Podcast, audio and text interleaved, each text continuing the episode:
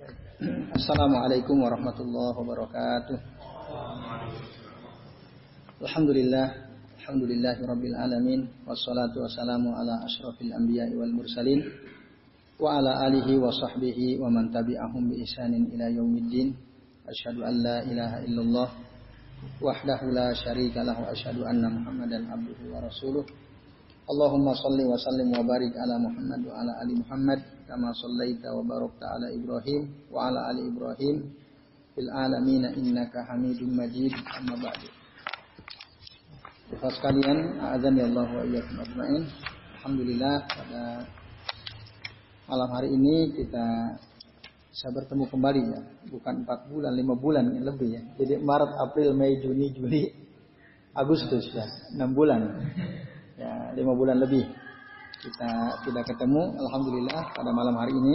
Tentu saja atas izin Allah kita bisa bertemu kembali untuk melanjutkan ngaji kitab apa ini? Situ duror ya min usuli ahlil asar.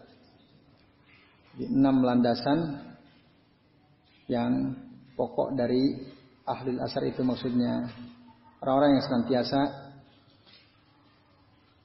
terikat oleh Quran dan Sunnah ahlul asar. Kita sudah membahas alhamdulillah empat landasan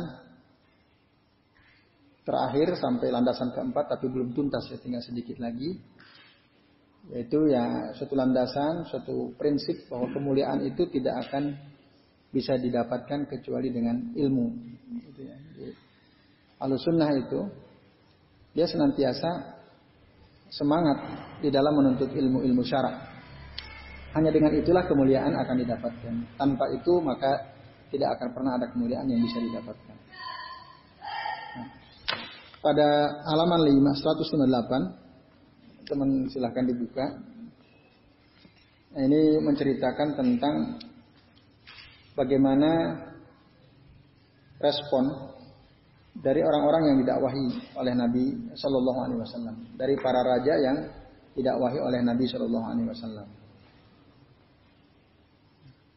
Kita mulai dari paragraf awal aja ya, yang pertama ya, biar biar nyambung lagi. Nah, jadi disebutkan dalam satu kisah bahwasanya Nabi SAW beliau memberitahukan tentang kebinasaan Raja Kisra. Kisra itu Raja Persia. Ketika dia berani uh, apa ya menentang, merobek-robek risalah Nabi Shallallahu Alaihi Wasallam dan tidak memperhatikan ke kemuliaan Nabi SAW. Nah, akhirnya apa yang terjadi? Allah menghukum, menyegerakan hukumannya kepada Raja Kisra ini. Maka disebutkan dalam surah Al-Kausar itu, Inna syani'aka huwal abtar. Sesungguhnya orang yang membenci engkau, dialah orang yang terputus. Jadi siapa saja yang membenci Rasulullah SAW, pasti terputus. Terputus apanya?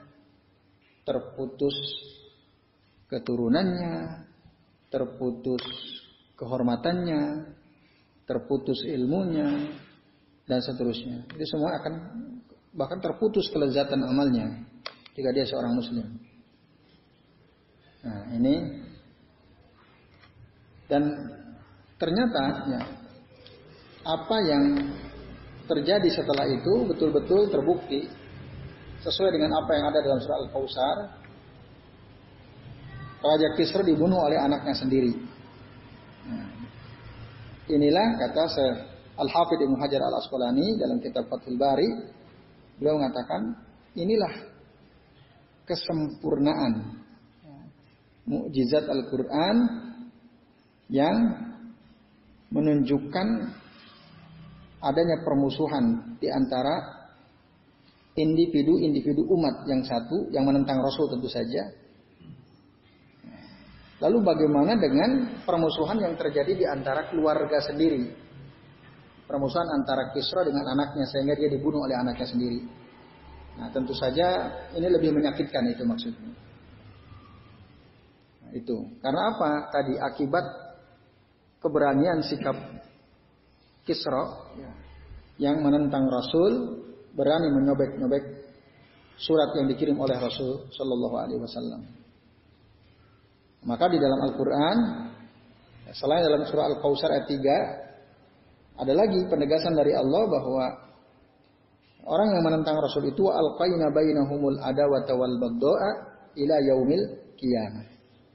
Maka kami tanamkan dalam hati mereka di antara sesama mereka permusuhan dan kebencian di antara sesama mereka ila yaumil kiamah sampai hari kiamat. Nah, itu di dalam Al-Qur'an dikatakan demikian ya, surah Al-Maidah ayat 64. Jadi siapa saja yang berani menentang Rasul pasti seperti itu. Mereka akan selalu bermusuhan di tengah-tengah mereka sendiri sampai hari kiamat tidak ada akhirnya. Ya kalau kita amati sekarang pasti begitu ya. Siapa saja yang berani menentang Rasulullah, menentang ajaran Rasulullah, menghinakan ajaran Rasulullah, pasti mereka ya, hidupnya penuh dengan permusuhan bahkan dengan sesama mereka sendiri. Nah, lalu dikatakan waqarin qissata qisra hadhihi bi qissati Kaisir allati rawahal Bukhari wa ghairuhu. Lalu bandingkan cerita tentang Raja Kisra Persia dengan cerita dengan Raja Kaisar, ya, Kaisar, Kaisar Romawi. Kan dulu waktu zaman Rasul ada dua kekuatan besar, Romawi sama Persia. Persia sikapnya tadi udah jelaskan menentang ajakan Rasul, sementara Kaisar orang Romawi sebagaimana diceritakan dalam hadis Imam Bukhari ya, tidak, ya, dia tidak menentang. Dalam hadis disebut, disebut eh, dalam hadis yang diriwayatkan oleh Imam Bukhari itu ada perkataan Kaisar kepada Abu Sufyan tentang Rasulullah SAW. Pak Inka nama takuru hakon kata Kaisar Romawi ini ya. Jika apa yang engkau katakan wahai Abu Sufyan itu benar, maksudnya ada seorang nabi, ada seorang rasul, dialah yang mengutus Abu Sufyan untuk menghadap Kaisar, Kaisar ya. Maka kata si Kaisar Romawi, Pak Ingka nama takulu hakon, pasayam meliku mau dia adami ini. Pasti dia nanti akan menguasai tempat yang aku injak ini. Maksudnya menguasai Romawi juga nanti. Pokok kuntu alamu annahu kharij. Aku sungguh sudah tahu bahwa seorang nabi pasti akan keluar. Lam akun azunuhu annahu minkum. Tapi aku tidak mengira bahwa nabi itu dari kalangan kalian. Itu saja yang tidak dikira oleh Kaisar Romawi. Tapi dia udah tahu, karena dia orang Nasrani kan, udah ngerti bahwa pasti akan ada nabi terakhir.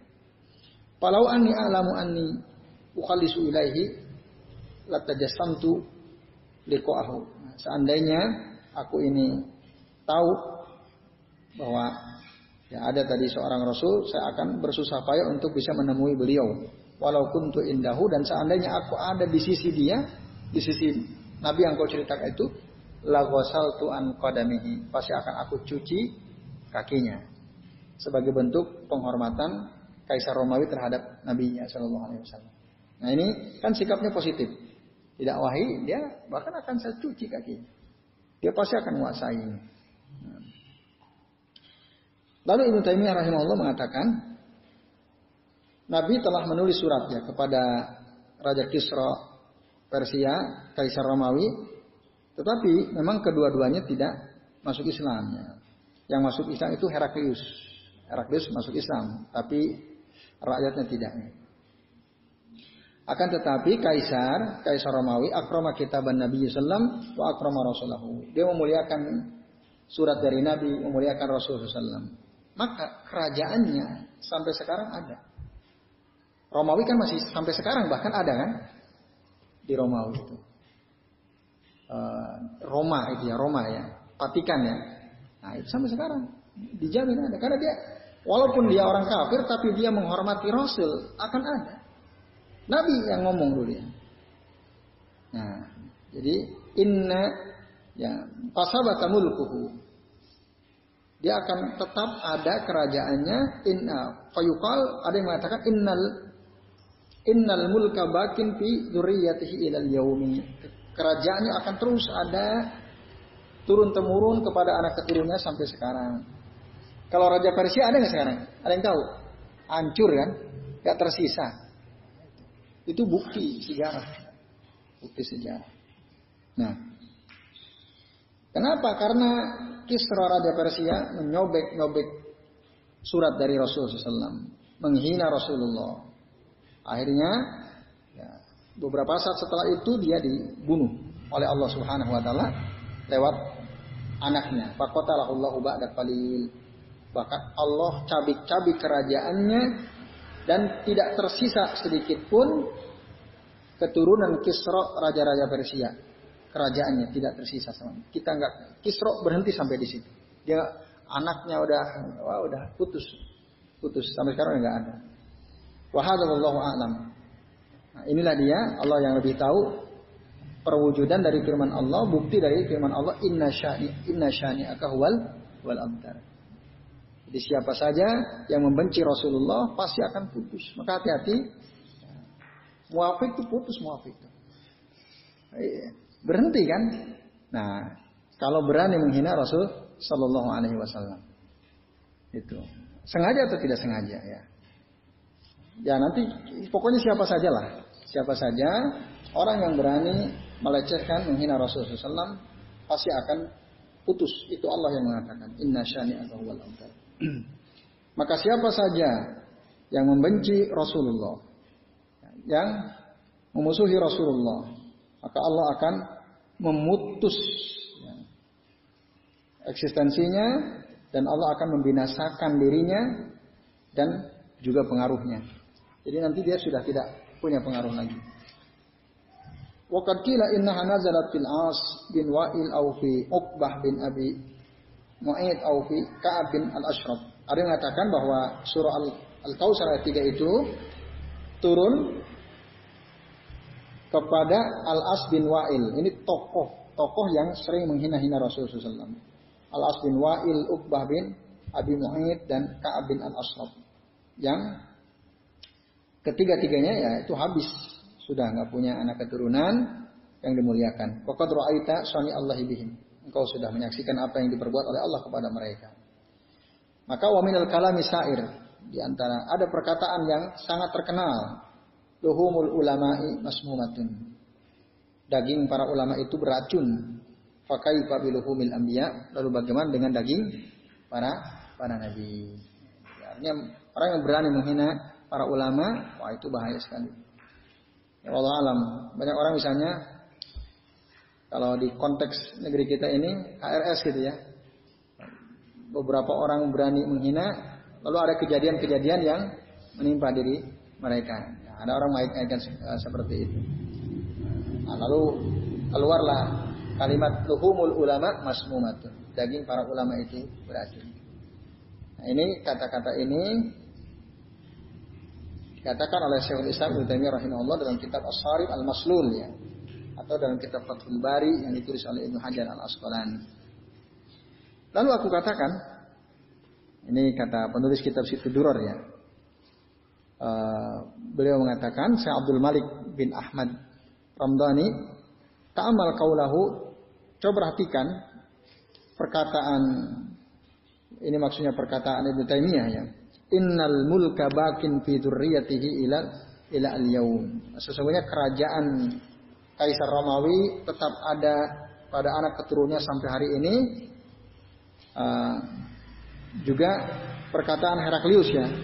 Setelah dia membaca surat Rasulullah SAW dalam riwayat yang telah lalu, dia mengatakan kepada rakyatnya ya maksar Rum, wahai seluruh bangsa ya. halakum fil falah war rusyd wa ayusbida mulkakum fatabaya'u hadan nabi apakah kalian ingin mendapatkan keberuntungan ingin dikokohkan kerajaan kalian maka berbaiatlah kepada nabi ini nah, dia bahkan nyuruh rakyatnya untuk berbaiat kepada nabi SAW Heraklius tapi memang dalam kitab sejarah katakan tidak ada rakyat yang mau ikut tapi dia tetap muslim Heraklius tetap muslim makanya ketika beliau meninggal dunia disampaikan oleh Allah kepada Nabi, Nabi tahu, lalu Nabi mengajak para sahabat untuk menyolatkan Heraklius. Waktu itu nggak ada handphone, padahal jauh kan jaraknya. Heraklius, Romawi, sama Nabi di Madinah. Sampaikan, wahai para sahabat, mari kita sholat. Ya, sholatul jenazah, sholat gaib. Itulah sholat gaib pertama kali yang dilakukan oleh Nabi Wasallam, yaitu menyolatkan Heraklius itu. Itu pertama kali dan itu satu-satunya dalam sejarah bahwa Rasulullah itu hanya melakukan sholat gaib, sholat jenazah secara gaib satu kali seumur hidup beliau, yaitu menyolatkan Heraklius. Tidak pernah lagi setelah itu dan sebelumnya juga tidak pernah. Nah, maka dari situlah kemudian para ulama sebagian mengatakan bahwa sholat gaib itu hanya dilakukan jika ada orang Islam meninggal dunia di negeri orang kafir, di mana di situ tidak ada orang yang menyolatkan satupun. Meninggal, misalnya seseorang meninggal di Jepang, saudara kita, teman kita, Muslim dia, di Jepang, di daerah kan kafir, susah sekali nyari masjid. Katanya begitu kata teman-teman ya, jauh-jauh sekali. Nah. Maka ketika dia meninggal dunia, sampai berita itu kepada kita, kalau dibawa pulang susah, akhirnya harus dikubur di sana, maka kita sholatkan secara. Tapi kalau ada seorang ulama misalnya di Jakarta meninggal dunia atau ada saudara kita di mana lah di luar Jogja meninggal dunia jauh kalau kita mau ke sana repot gitu. Apakah kita perlu menyolatkan secara gaib? Menurut saya Al Albani tidak perlu. Karena mereka sudah disolatkan. Dia sudah disolatkan oleh kaum muslimin di mana dia tinggal. Dia perlu. Dan itu banyak sahabat meninggal dunia di satu tempat, disolatkan oleh sahabat yang lain. Rasul nggak pernah sholat gaib. Justru kalau kita melakukan bisa jadi bid'ah. Itu kata si Al Albani. Nah, sementara kata ulama dari madhab Syafi'i sunnah sampai sekarang. Kenapa sunnah? Karena pernah dilakukan Nabi. Sesuatu yang pernah dilakukan Nabi maka menjadi sunnah. Nah, itu. Nah, tapi kalau kalau saya sendiri cenderung tadi alasannya sangat kuat. Analisis kan perlu dianalisa suatu perbuatan Nabi itu muncul konteksnya seperti apa. Itu kan? Oh ternyata tadi itu hanya satu kali. Nah, maka pendapat yang mengatakan bahwa sholat gaib itu tidak dianjurkan kecuali tadi jika keadaannya orang yang mati tidak ada melihatkan sama sekali. Kalau ada udah nggak perlu. Menurut saya cenderung pada pendapat itu karena begitu faktanya.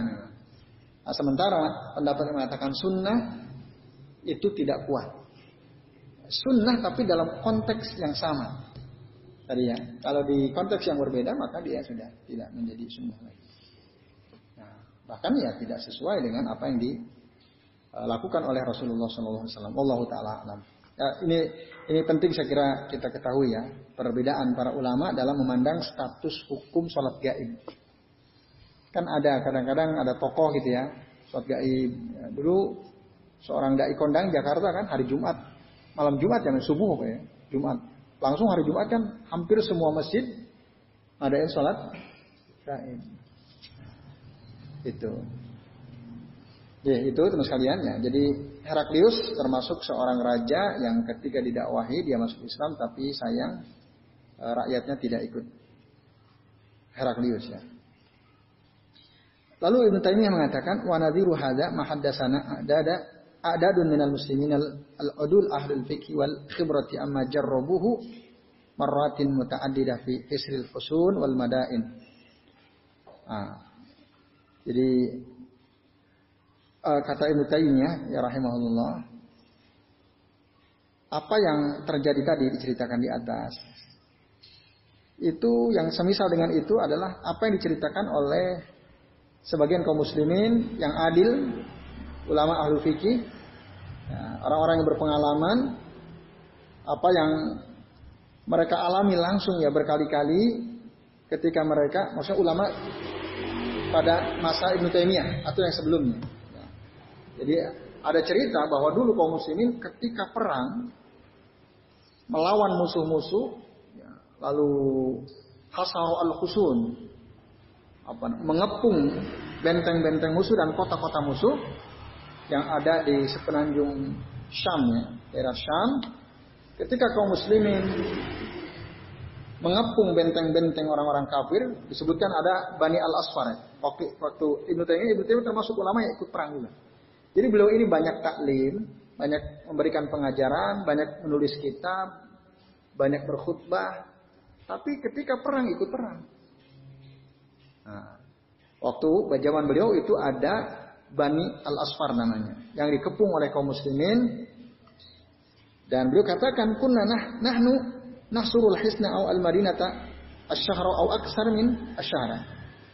Kami pernah mengepung benteng Bani Asfar atau kota kota Bani Asfar selama sebulan bahkan lebih dari sebulan. Tapi selalu gagal, tidak berhasil. Sampai kami ini hampir saja putus asa kata Ibnu Taimiyah. Nah, tiba-tiba ada penghuni benteng tersebut berani menghina Rasulullah SAW. Berani menjelek-jelekan Rasulullah SAW. Nah, akhirnya karena ada penduduk benteng tersebut beri, berani menghina Rasul, fa'ajalna fathahu wa tayassara. Akhirnya penaklukan benteng tersebut, kota tersebut jadi lebih mudah. Nah, itu. Ketika ada yang berani menghina Rasul, dipermudah oleh Allah penaklukannya. Bahkan lam yakad yata'akharu illa yauman aw yaumaini aw nahwa dzalika. Bahkan setelah ada kejadian penghinaan itu tidak lama setelah itu satu dua hari kemudian ya, mereka dikalahkan oleh kaum muslimin. Nah, akhirnya ditaklukkanlah benteng-benteng orang-orang kafir, kata-kata orang kafir. Ya, setelah mereka mengalami peperangan besar, nah, lalu kemudian mereka berkata, para maksudnya para kaum muslimin berkata hatta in kunna lanatabashara bi ta'jilil fathi idza sami'nahum yaqauna fihi ma'am tila'il qulub ghaizan alaihim bima qaluhu fihi nah, sehingga kami ini bergembira ya, saling memberi kabar gembira akan uh, apa datangnya segera penaklukan ketika kita mendengar ada penduduk oh, benteng orang kafir atau kota orang kafir itu berani menghina Rasulullah SAW. Meskipun dalam hati kami ini penuh kemarahan dengan apa yang mereka katakan kepada Nabi SAW. Tapi ya kami di sisi lain ketika mereka berani mencaci maki menghina Rasul, selain kita marah, di sisi lain kita senang juga. Pasti ini sebentar lagi kalah. Nah, itu pengalaman. Kalau udah ada yang berani, pasti sebentar lagi kalah. Nah itu Kata Ibnu Taimiyah rahimahullahu taala. Nah, baik ibu sekalian, azan ya Allah wa iyyakum ajmain. Nah, demikianlah juga apa yang diceritakan kepadaku oleh uh, sebagian teman-teman yang terpercaya bahwasannya kaum muslimin ya begitu keadaannya.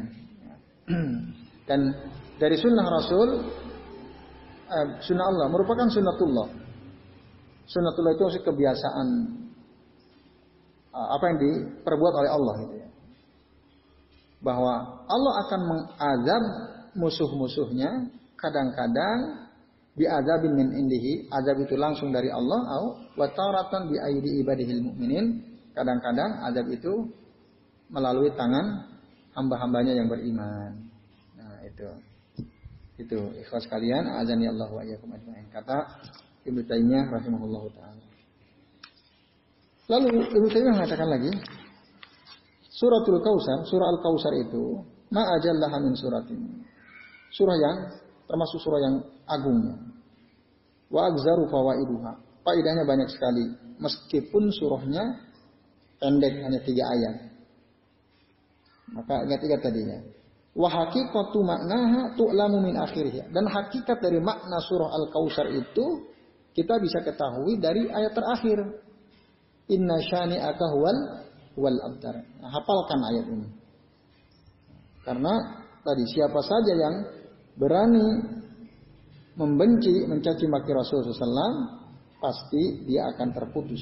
Inna syani huwal abtar. Nah itu ikhwas kalian, azan ya Allah wa iyyakum ajma'in.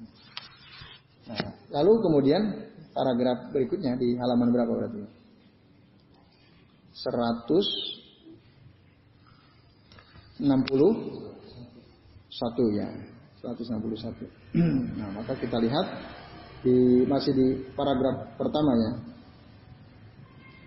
Jadi orang-orang di dikatakan orang Allah akan memutuskan orang benci Rasulullah SAW dari segala kebaikan, terputus penyebutan namanya, keluarganya, hartanya, sehingga menjadi kerugian baginya di akhirat.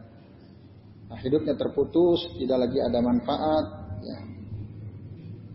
Itulah akibat yang akan dirasakan oleh orang-orang yang berani menghina Rasulullah SAW. Jadi hatinya tidak lagi sadar terhadap kebaikan. Nah, saya ulang ya. Kehidupannya tidak bermanfaat, tidak bertambah padanya amal soleh yang lima adihi untuk hari akhir. Ya kemudian hatinya terputus, ter, pala al khaira, tidak sadar, tidak peka terhadap kebaikan. Nah, kemudian ilmunya, kecintaan dan keimanannya kepada Rasul jadi tidak ada lagi, semua amalnya terputus dan dia tidak gunakan untuk ketaatan kepada Allah dan kepada Rasulnya. Tidak ada lagi penolong. Dia tidak bisa mendapatkan fala yajid lahu nasiran wala aunan Bahkan katakan wa yabtaruhu min jami'il qurbil wal a'mal as-salihah fala yazuqu laha ta'man wala yajidu laha halawatan. Dia terputus dari seluruh takarrub ya, amal-amal kebaikan dan dia tidak lagi bisa merasakan ya, mendapatkan manisnya amal saleh ya. La yazuqu laha ta'man wala yajidu laha halawatan. Jadi ketika dia baca Quran udah gak nikmat Sholat tidak nikmat, zikir tidak nikmat. Itu orang yang berani menghina Rasul. Kalau dia nggak taubat, maka semua amal yang dilakukan nggak ada kenikmatan sama sekali. Wa in basyaruha bi zahirihi fa qalbuhu saridun anha. Meskipun penampakannya dia sholat. Mungkin dia puasa, dia baca Quran. Tapi tadi tidak ada kenikmatan. Wahada jaza'u man shanna'a ba'da ma ja'a bihi rasul wa raddahu li ajli hawahu au matbu'ihi au syaikhihi au amirihi au kabirihi. Nah ini adalah balasan bagi orang-orang yang berani ya. Shanna'a itu ya, membenci sebagian apa yang dibawa oleh Rasul SAW atau menolak sebagian apa yang dibawa oleh Rasul SAW karena dia lebih mengikuti hawa nafsunya atau lebih mengikuti ya, orang-orang yang mengikuti dirinya atau oh, gurunya syaihihi atau amirahu atau dia lebih mengikuti pemimpinnya atau lebih mengikuti leluhurnya ya, para seniornya. Nah, itu. Jadi ada sebagian orang yang dia itu tidak suka kepada ajaran Rasul. Dia lebih mengikuti hawa nafsunya atau pendapat gurunya atau keinginan tuntutan dari orang-orang yang para pengikutnya ini kan. kan ada tokoh yang dia punya bolo gitu ya punya pengikutnya itu. Kadang pengikut itu membelenggu dia. Nanti ketika dia ngomong apa yang penting pengikutnya suka? Ada kan ya gitu? Atau gurunya atau hawa nafsunya atau pemimpinnya? Nah, dia lebih mengikuti itu semua daripada Nabi Shallallahu Alaihi Wasallam. Bahkan demi untuk mendapatkan kesenangan dari gurunya, dari pemimpinnya, hawa nafsunya, dia rela tadi membenci sebagian apa yang dibawa oleh Nabi SAW. Sebagaimana juga orang-orang yang membenci ayat-ayat sifat, ayat-ayat sifatnya. Itu sifat-sifat ayat-ayat yang menjelaskan tentang sifat-sifat Allah. Atau membenci hadis-hadis yang menjelaskan tentang sifat-sifat Allah. Lalu dia mentakwil dengan takwil yang tidak sesuai yang dikehendaki oleh Allah dan Rasulnya. Lalu dia mentakwil makna dari sifat Allah itu sesuai dengan madhabnya atau madhab kelompoknya. Nah, ini ada nih jadi ada sebagian orang kalau antum mengikuti medsosnya kan ramai tuh ada ustaz populer tuh ya yang membahas tentang sifat Allah di atas ars itu. Pada ini enggak ngikut apa, apa? Ini enggak, ini enggak ada beberapa ya satu bulan terakhir ini lah ada enggak ini ya antum enggak ngikutin ya uh, terutama di grup-grup Facebook yang isinya kajian-kajian ustadz gitu ya. Nah itu ada dua ustadz sangat terkenal, ya saya tidak usah sebut namanya ya. Intinya dia me men mengatakan dungu orang yang mengatakan Allah itu istiwa di atas arsy. Itu orang dungu. Gitu. Nah, lalu ya itu orang dungu. Ya nggak mungkin lah Allah beristiwa di atas arsy. Maka kita harus takwil. Kita harus takwil itu memalingkan makna makna istiwa itu kepada makna lain. Yaitu bukan beristiwa atau bersemayam di atas arsy, tapi maksudnya Allah menguasai arsy. Kalau Allah dikatakan istiwa dalam arti bersemayam, berarti Allah butuh tempat. Itu nggak mungkin. Nah itu itu takwil itu.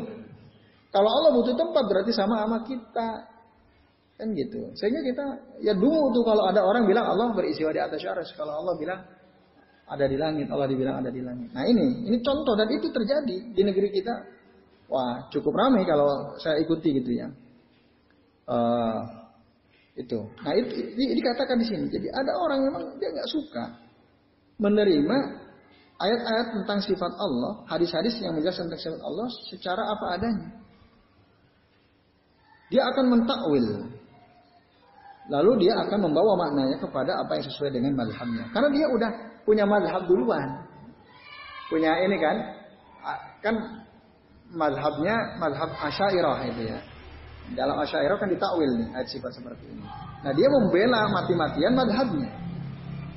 Sehingga alamnya jadi tumpul. Akhirnya yang keluar kata-katanya adalah ya, pembelaan terhadap madhab lalu semua ditakwil. Wow bantahannya banyak sekali. Kitab-kitab saya jadi ngikutin jadi banyak tahu juga. Oh kitab bantahannya ini kata bantahannya. Dia nyebutin kitab sangat ilmiah gitu ketika dia menjelaskan. Begini begini begini ini ijma. Ala fulan bin dalam kitab ini ini ini. Wah ternyata itu hanya tipis kitabnya. Bantahannya jauh lebih tebal. Bantahannya. Nah itu. Bahkan tanpa harus katakanlah membaca kitab bantahan kita kembali kepada Quran Sunnah aja selesai sudah. Karena sudah clear. Nah, ini. Jadi ada orang-orang yang menolak benci kepada ayat sifat yang dijelaskan oleh Quran dan oleh hadis Nabi SAW. Bahkan dikatakan, "Autamanna Allah takuna ayat sifati unzilat." Bahkan dia berharap supaya ayat sifat ini tidak diturunkan.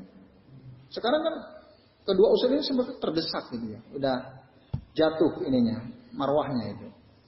Nah, mungkin ya itu. Sehingga dia keluar kata-kata tidak sesuai fakta, hanya banyak kebohongan yang keluar dari lisannya dan seterusnya. Nah ini kan kasihan sekali gitu ya. Nah ini maka dia berharap supaya ayat-ayat sifat, hadis-hadis tentang sifat yang disampaikan oleh Nabi itu tidak tidak ada. Nah ini adalah bukti terkuat alamati syanaati hilaha wa karahati hilaha. Ya. Tanda kebenciannya terhadap ayat-ayat sifat dan hadis-hadis sifat. Nah. Annahu idza sami'a hina yastadillu biha ahlu sunnah.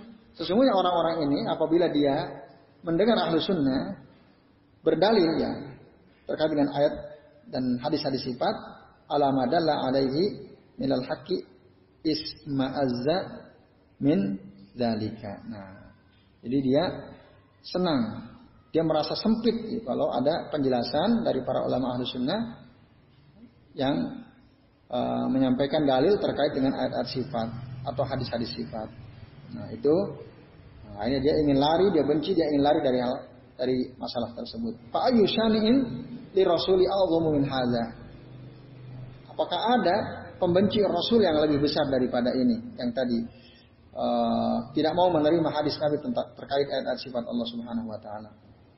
Wa kadzaman asara kalaman nasi wa ulumahum Begitu juga orang-orang yang lebih mendahulukan perkataan manusia atau ilmu ilmu orang ya al Quran wa sunnah daripada Al Quran dan Sunnah. Jadi ada orang yang lebih menyandarkan uh, apa yang dia yakini kepada perkataan seseorang, bukan kepada Quran Sunnah. Ada yang seperti itu. Nah, maka begitu juga orang-orang seperti ini. Jadi dia merasa bangga merasa senang kalau dia bisa mengutip perkataan tokoh pulan bin Fulan, Kiai Fulan bin Fulan. Padahal dalam Quran dan Sunnah jelas ada, tapi enggak. Dia lebih senang kepada perkataan seseorang atau ilmu yang disampaikan oleh seseorang padahal bertentangan Quran Sunnah. Falaula annahu syani'u ya, falau an falaula annahu syani'un lima ja'a Rasul ma fa'ala dzalika.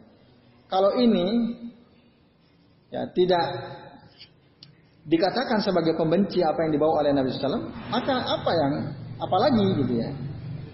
Apalagi sehingga sebagian dari mereka akhirnya lupa ya, dilupakan dari Al-Qur'an setelah mereka hafal. Dan dia sibuk dengan bikauli fulan wa fulan. Tadinya ada orang sibuk Quran, sibuk dengan Al-Qur'an, ngapalin Quran. Tapi pemahamannya, akidahnya menyimpang. Ya. Dia lebih mengikuti tokohnya, gurunya. Tadi terkait dengan sifat hadis-hadis sifat. Nah orang-orang seperti itu pada akhirnya nanti dia akan melupakan Quran. Meskipun dia sebelumnya hafal. Dan dia akan sibuk dengan perkataan fulan bin fulan dan fulan bin fulan. Maka hati-hatilah dari sikap seperti ini.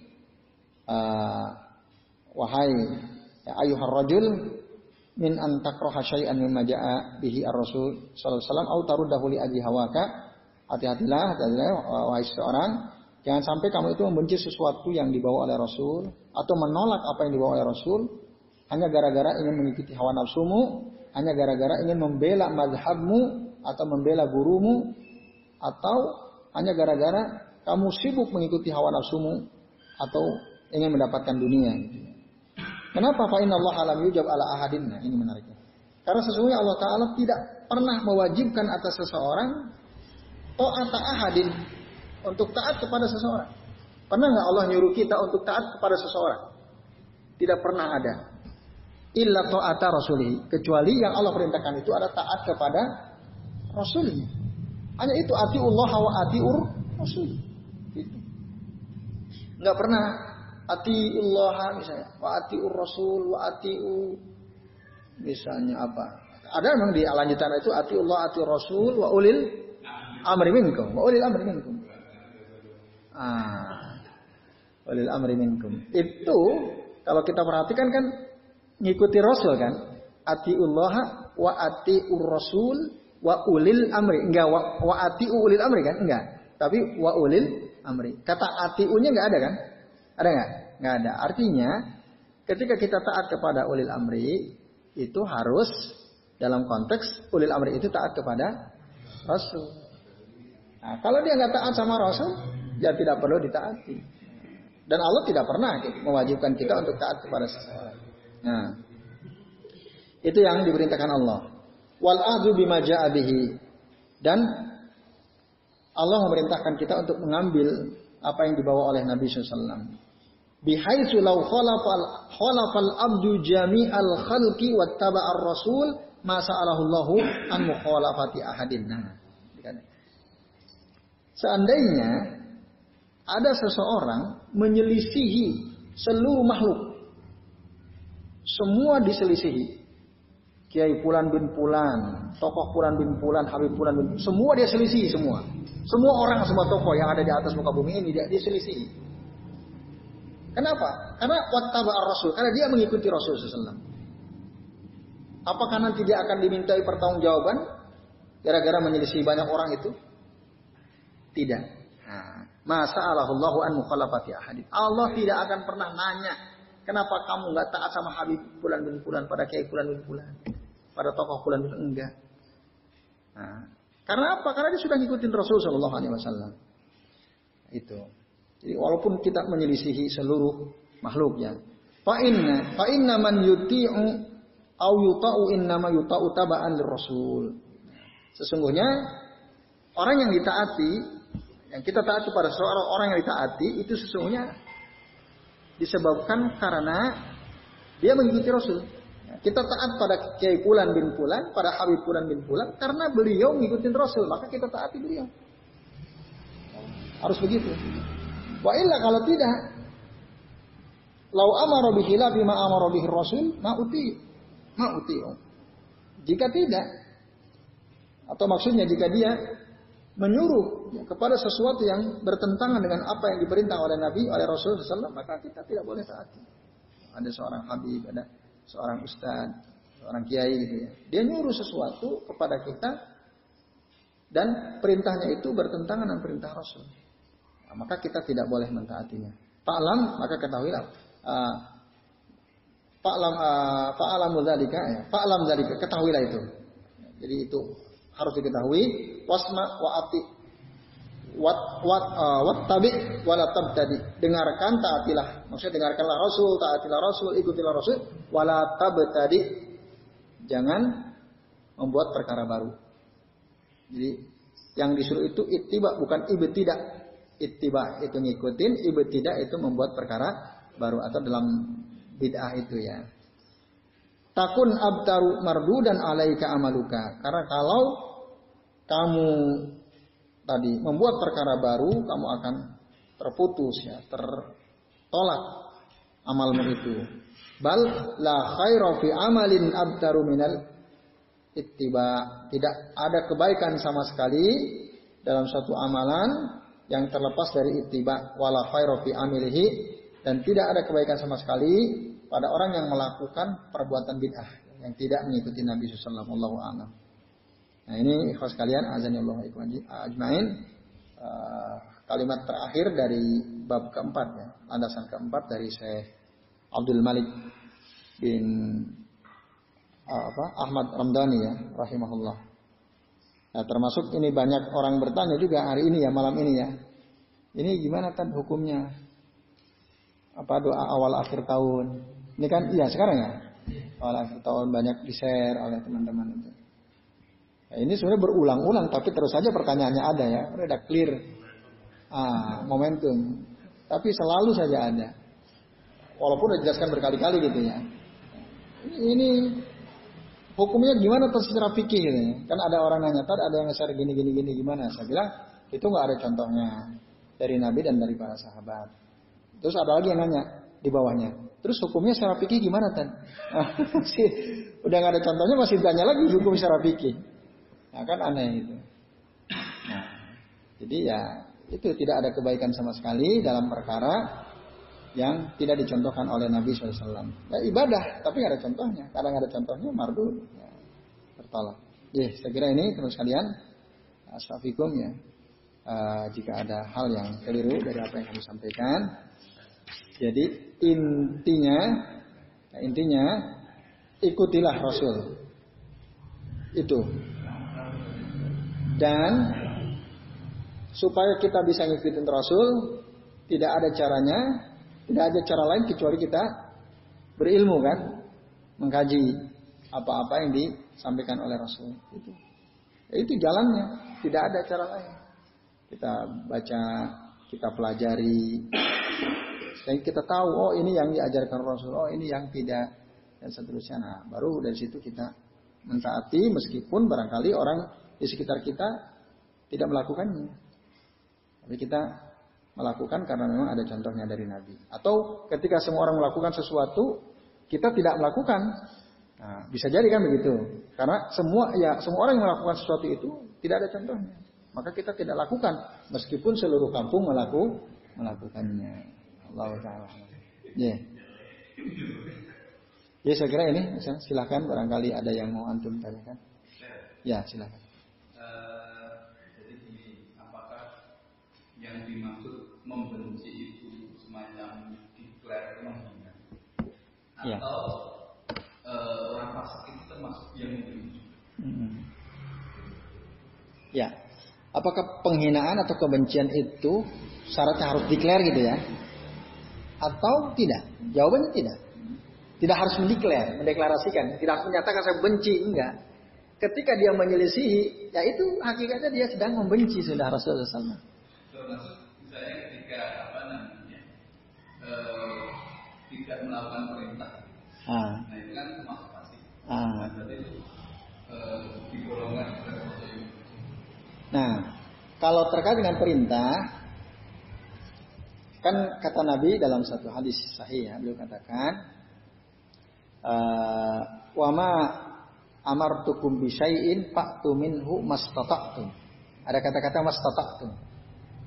Wa ma nahaitukum anhu fantahu. Apa saja yang aku perintahkan kepada kalian maka lakukanlah. Mastata'tum. Ada syarat di sana. Semampu kalian. Ya. Ada istitoah, syaratnya istitoah, ada saya kemampuan. Tapi kalau larangan itu enggak ada pengecualian. Wa mana haitukum anhu pantahu. Apa saja yang aku larang, tinggalkan. Enggak ada syarat. Pokoknya tinggal. Nah, berangkat dari hadis ini bahwa perintah itu betul. Nanti kan ada tingkatan, ada perintah kalau dalam hukum, kalau dalam perspektif hukum syariat taklifiyah kan ada hukum syarak, ada namanya hukum taklifiyah. Ada lima itu. Wajib, sunnah, mubah, makruh, haram kan. Nah, ini hukum taklifi namanya. Kalau kita bicara perintah berarti antara wajib atau sunnah. Bagaimana kalau kita tidak melakukan perintah Allah dan Rasulnya? Apakah otomatis fasik?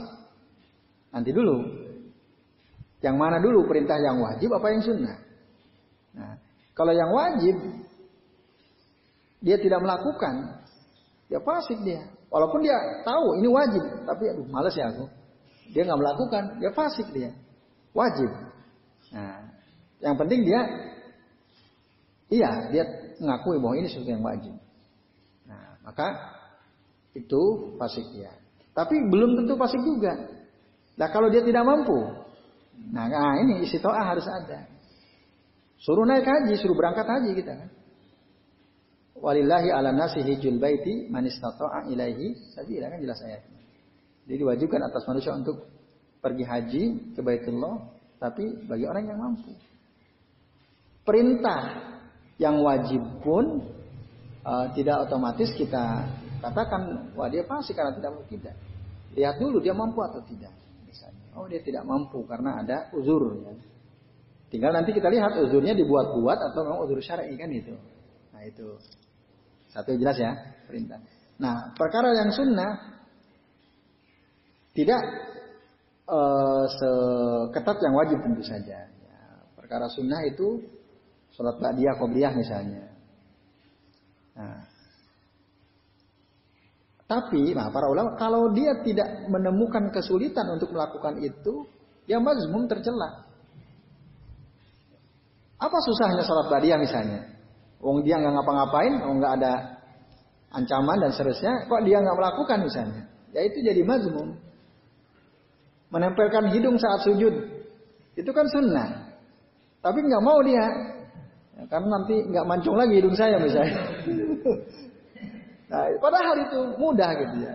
Nah itu mazmum. Itu sunnah, perkara sunnah. Nah itu. Jadi begitu Mas Afri. Lihat dulu perintahnya ini yang wajib atau yang sunnah.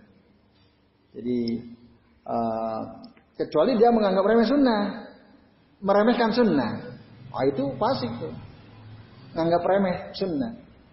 Kok enggak sholat dia?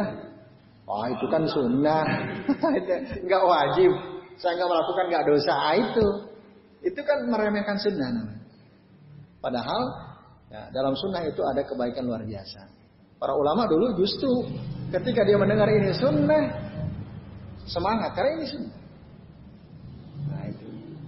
Bahkan Nabi sendiri mengatakan bahwa Allah telah menyampaikan orang yang mendekatkan dirinya kepada Allah dengan yang fardu-fardu, lalu kemudian dia tambah dengan yang sunnah-sunnah, nah, maka aku akan mencintainya.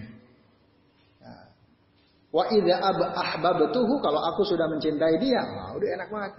Fakuntu basarahu alladhi yusiru bihi sam'ahu alladhi yasma'u bihi wa yadahu allati yabtisu biha wa rijlahu allati yamshi biha fa idza sa'alani fa'utiyannahu wa idza istahadani fa'udzidannahu kata Allah kalau aku sudah mencintai seorang hamba matanya telinganya matanya tangannya kakinya Allah akan kendalikan kalau dia minta sesuatu kepadaku fa'utiyannahu pasti akan saya kasih dia wa idza istahadani kalau dia memohon perlindungan kepadaku fa'udzidannahu pasti aku akan aku akan lindungi dia nah itu Nah, untuk bisa mendapatkan itu, yang sunnah-sunnah jangan diremehkan.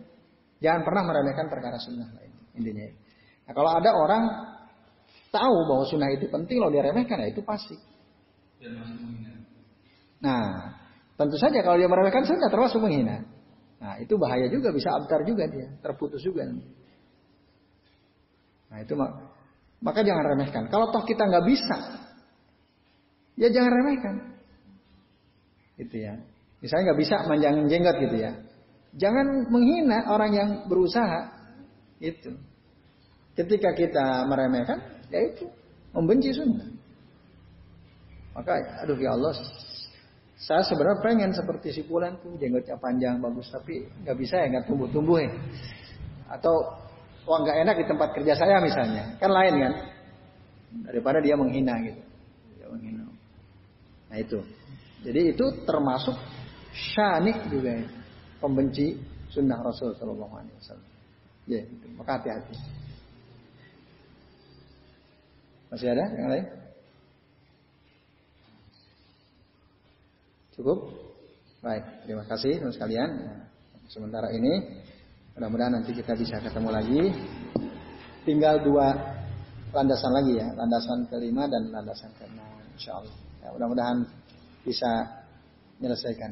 Ya, setidaknya ini sudah dua kitab ya kita bisa selesai, alhamdulillah.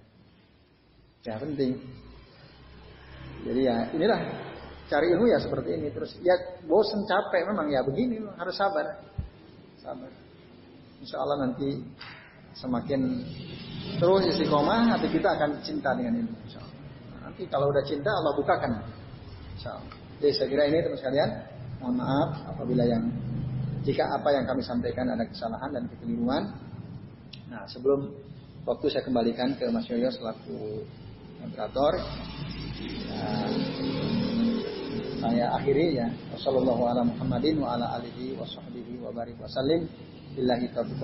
Wassalamualaikum warahmatullahi wabarakatuh.